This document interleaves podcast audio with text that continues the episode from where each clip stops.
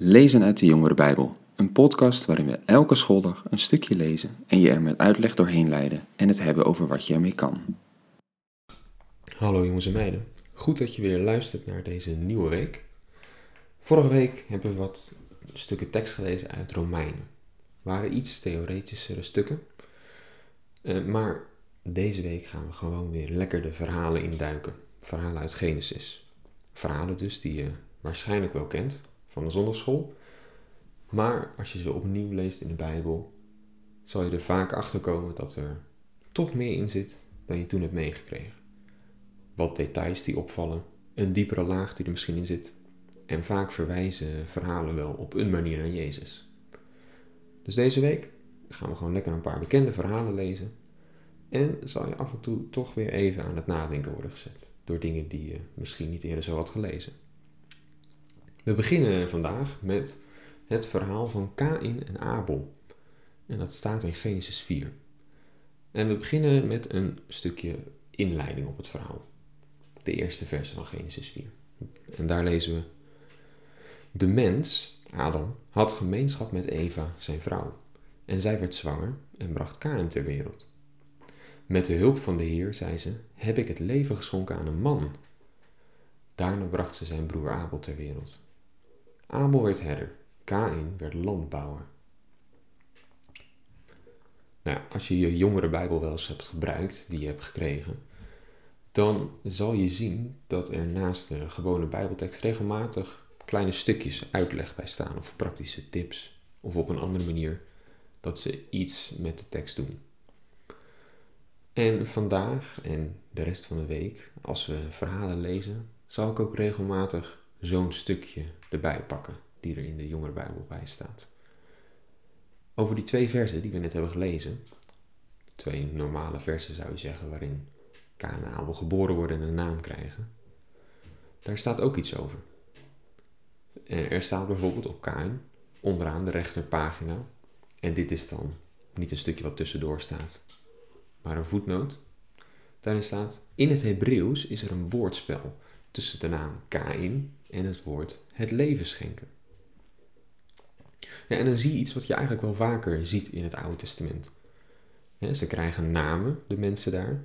En in die tijd, net zoals vandaag eigenlijk, dachten ze best wel goed na over wat de betekenis van een naam is. En heel vaak vind je ook een stukje uitleg. En hier is dus eigenlijk de verwondering van Eva dat ze zegt: Ik heb het leven geschonken aan een man. Daarbij kiest ze een naam die klinkt als dat. Dat klinkt als Kain. En je hebt meer van dat soort voorbeelden. Hè? Uh, Isaac, ook een bekend persoon uit de Bijbel. Als hij, die zijn naam krijgt, dan gebruiken ze een woord wat heel erg klinkt als lachen in het Hebreeuws. En dat klopt eigenlijk ook wel met het verhaal, want Adam en Sarah, allebei heel oud, dan komt de Heer bij ze langs en die vertelt ze dat ze een kind zouden krijgen, een zoon. En toen Sarah dat hoorde, moest ze lachen. En toen ze dus daadwerkelijk een zoon kreeg, noemde ze hem Isaac. Wat met lachen te maken heeft. Zo zie je dat dus wel vaker. Nou ja, laten we maar eens verder lezen in het verhaal van Kain en Abel. Vanaf vers 3 lezen we. Na verloop van tijd bracht Kain de Heer een offer van de opbrengst van het land. Ook Abel bracht een offer. Van de eerstgeboren dieren van zijn kudde offerde hij de beste stukken vlees. De Heer schonk aandacht aan Abel en zijn offer, maar aan Kaan en zijn offer niet. Dat maakte Kaan woedend. Zijn blik werd donker. De Heer zei tegen hem: Waarom ben je zo kwaad? Waarom kijk je zo donker? Handel je goed, dan kun je toch iedereen recht in de ogen kijken? Handel je slecht, dan ligt de zonde op de loer, begeerig om jou in haar greep te krijgen. Maar jij moet sterker zijn dan zij. Nou ja, als je dit zo leest, en misschien heb je dat al eerder gehad toen je het verhaal hoorde op de zondagschool, dan vraag je je af, wat was er nou zoveel beter aan het offer van Abel vergeleken met dat van Kain? Allebei gaven ze iets waar ze voor gewerkt hadden, van de kudde en van het land. Nou ja, je kan wel lezen in het verhaal dat er staat dat Abel de beste stukken gaf, maar niet veel meer. Dus waarom neemt God het ene offer wel aan en het andere niet? Dat is toch wel apart hier. Als je weer naar de jongere Bijbel kijkt, dan staan er niet alleen dit stukjes uitleg bij, er staan ook wel eens verwijzingen naar andere gedeelten in de Bijbel bij. Dat staat dan vaak onderaan de linkerpagina. En ook bij dit stukje. Er wordt verwezen naar een, een gedeelte uit het Nieuwe Testament, Hebreeën 11, vers 4. In dat hoofdstuk van Hebreeën gaat het eigenlijk heel erg over geloof. En worden allerlei voorbeelden van geloof genoemd. En daar staat ook uitgelegd dat Abel uit geloof een offer bracht aan God. En dat zijn offer daarom meer waarde had dan dat van Kain, die het blijkbaar ja, minder uit geloof deed. En meer misschien uit gewoonte of verplichting. Maar het maakt Kain wel boos. En dan kan je snel uit emotie handelen en slechte keuzes maken. En daarom waarschuwt God hem ook hiervoor. Maar ja, we weten allemaal hoe het afloopt. Dus ja, laten we maar verder lezen. Vanaf vers 8. Kain zei tegen Abel, zijn broer, laten we het veld ingaan. Toen ze daar waren, viel hij zijn broer aan en sloeg hem dood. Toen vroeg de Heer, waar is Abel, je broer? Dat weet ik niet, antwoordde Kain. Moet ik soms waken over mijn broer? Wat heb je gedaan? zei de Heer. Hoor toch hoe het bloed van je broer uit de aarde naar mij schreeuwt. Daarom, vervloekt ben jij. Ga weg van deze plek, waar de aarde haar mond heeft opengesperd om het bloed van jouw broer uit jouw hand te ontvangen. Ook al bewerk je het land, het zal je niets meer opbrengen. Dolend en dwalend zul je over de aarde gaan. Kain zei tegen de Heer: Die straf is te zwaar. U verjaagt mij nu van deze plek, en ik mag u niet meer onder ogen komen. En als ik dan dolend en dwalend over de aarde moet gaan, kan iedereen die tegenkomt mij doden. Maar de Heer beloofde hem: Als iemand jou doodt, zal dat zevenmaal aan hem gewroken worden. En hij merkte Kain met een teken, opdat niemand die hem tegenkwam hem zou doodslaan. Toen ging Kain bij de Heer vandaan en hij vestigde zich in Not, een land ten oosten van Eden.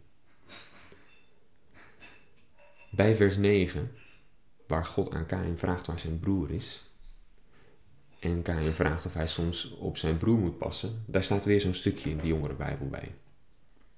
Laten we maar eens lezen. Daar staat bij: Ja, zou het antwoord moeten zijn geweest op Kains vraag. Als oudste broer had Kain zorgvuldig moeten waken over Abel. Maar hij is zo boos en gefrustreerd dat de stoppen doorslaan. God weet dat en roept hem ten verantwoording. God vraagt ook ons rekenschap van hoe we met elkaar omgaan. Logisch, het is toch onze taak om over elkaar te waken. Ja, wat eigenlijk wel apart is in dit soort verhalen en meer verhalen in het Oude Testament, is dat mensen nog gewoon direct met God praten. Ja, dat zou toch bijzonder zijn als dat in deze tijd ook nog zou kunnen. Als je een vraag hebt, dat je even met God erover kan babbelen. Of dat God tegen je zegt, is dat nou wel handig? Let goed op. En je kan je wel eens afvragen waarom dat nu zo anders is dan toen. Het is wel zo dat God misschien in onze tijd veel meer doet door de Bijbel heen. Wij hebben nu al een heel dik boek vol met allemaal dingen die God heeft gezegd over hoe we zouden kunnen leven, met allerlei verhalen en voorbeelden.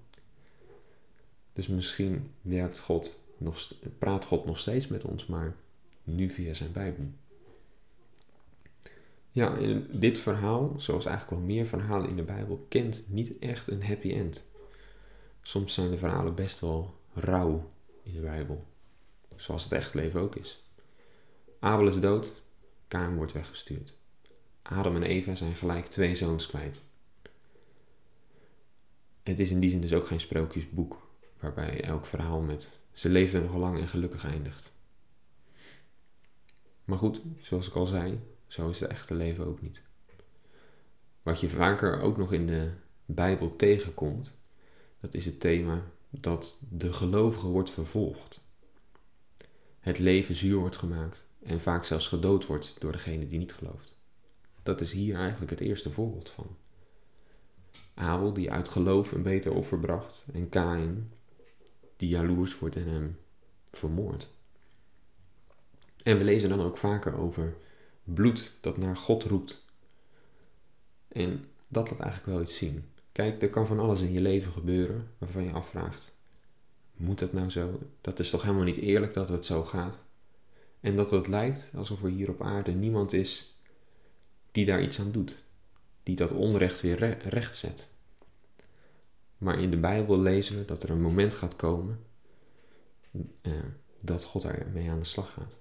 Want God die ziet al het onrecht wat er gebeurt. God die ziet alles wat je wordt aangedaan, wat niet rechtvaardig is. Hij houdt het bij. En in de toekomst gaat dat rechtgezet worden. Want ja, je kan je niet voorstellen dat er, als we straks bij hem zijn, dat er nog allemaal van dat soort dingen spelen en sudderen.